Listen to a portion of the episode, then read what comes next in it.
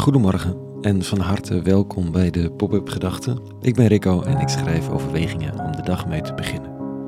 Vandaag met de titel Weten waar je aan toe bent. Pop-up Gedachten vrijdag 12 januari 2024.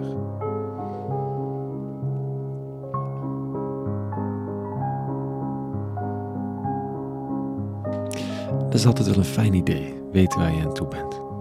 Niet makkelijk aan te komen in dit onvoorspelbare leven, maar het geeft een soort rust. Het is fijn om te weten wie en wat ik aantref als ik thuis kom. Dat er een bepaalde hoeveelheid geld op een bankrekening staat. Dat er pensioen opgebouwd zou zijn. Dat zou zijn zegt iets over de mate waarin ik dat voorspelbaar achter in mijn leven. En dat de dingen die je doet, zowel bij jezelf als bij je omgeving, op enige waardering kunnen rekenen. Er is natuurlijk altijd een grens, een punt waarbij het verlangen naar voorspelbaarheid controledrang wordt. Of dat je weet dat je niet op de goede plek zit in het leven, maar de zekerheid van geld, pensioen of waardering nou eenmaal te comfortabel is.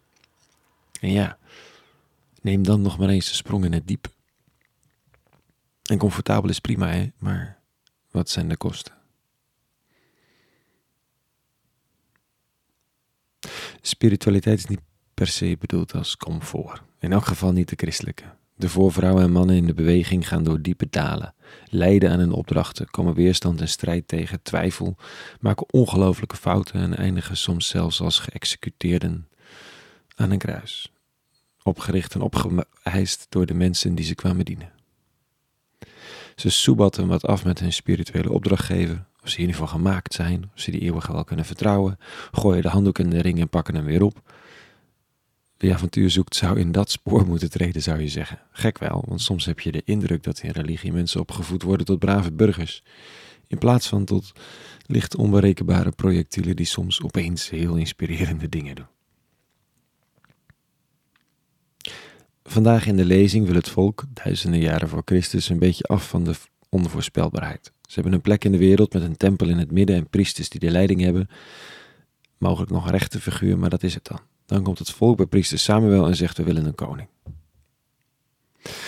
De reactie van priester Samuel is een beetje pijnlijk voor alle monarchistische gelovigen, want hij vat het namens God op als een complete verwerping van Gods leiding en de spiritualiteit van het volk.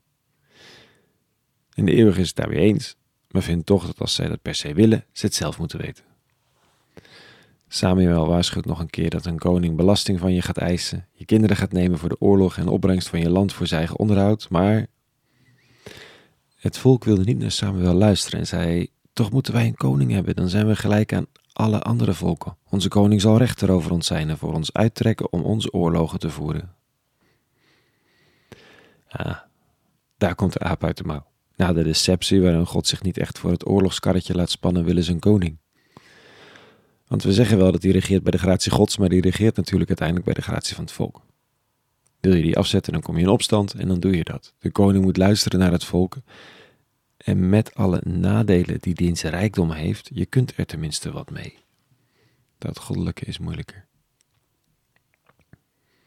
Zie daar het leven van ons zo even uitgetekend. Het is avontuurlijker, authentieker en zuiverder om je hart, om God, om in geloof en vertrouwen te leven. Maar die onvoorspelbaarheid en gebrek aan controle is zo ingewikkeld dat we liever vertrouwen op de baas, op een leider, op geld, op pensioen of wat dan ook. En dat dit ons ook een hele hoop kost, omdat je je dan uitlevert aan een baan, aan de noodzaak om dat geld dan ook voor jezelf te houden en zo nog wat meer, dat nemen we de koop toe. We zijn net mensen. Goed spiegelverhaal weer deze ochtend. En niet te vergeten, uiteindelijk wil dat volk de oorlog winnen, koste wat het kost. Ja, dat kost je uiteindelijk alles. Je integriteit, jezelf, de veiligheid die je zocht, die keert zich tegen je. Het alternatief is vertrouwen op de God die liefde heet. En dat is niet altijd veilig en ook kostbaar. Maar wel een weg waarbij je meer kans hebt dat je je ziel bewaart. Makkelijker gezegd dan gedaan, hè? Toch zinnig om er weer voor te houden. Een hele goede vrijdag gewenst vandaag. Meer pop-up gedachten te vinden op www.popupgedachten.nl. Daar vind je ook de knop abonneren en doneren. En voor wie de WhatsApp-melding wil ontvangen. Voor wie dus de WhatsApp-melding wil ontvangen. En iemand die wil bijdragen. Alvast dank. En voor nu, vrede gewenst. En alle goeds.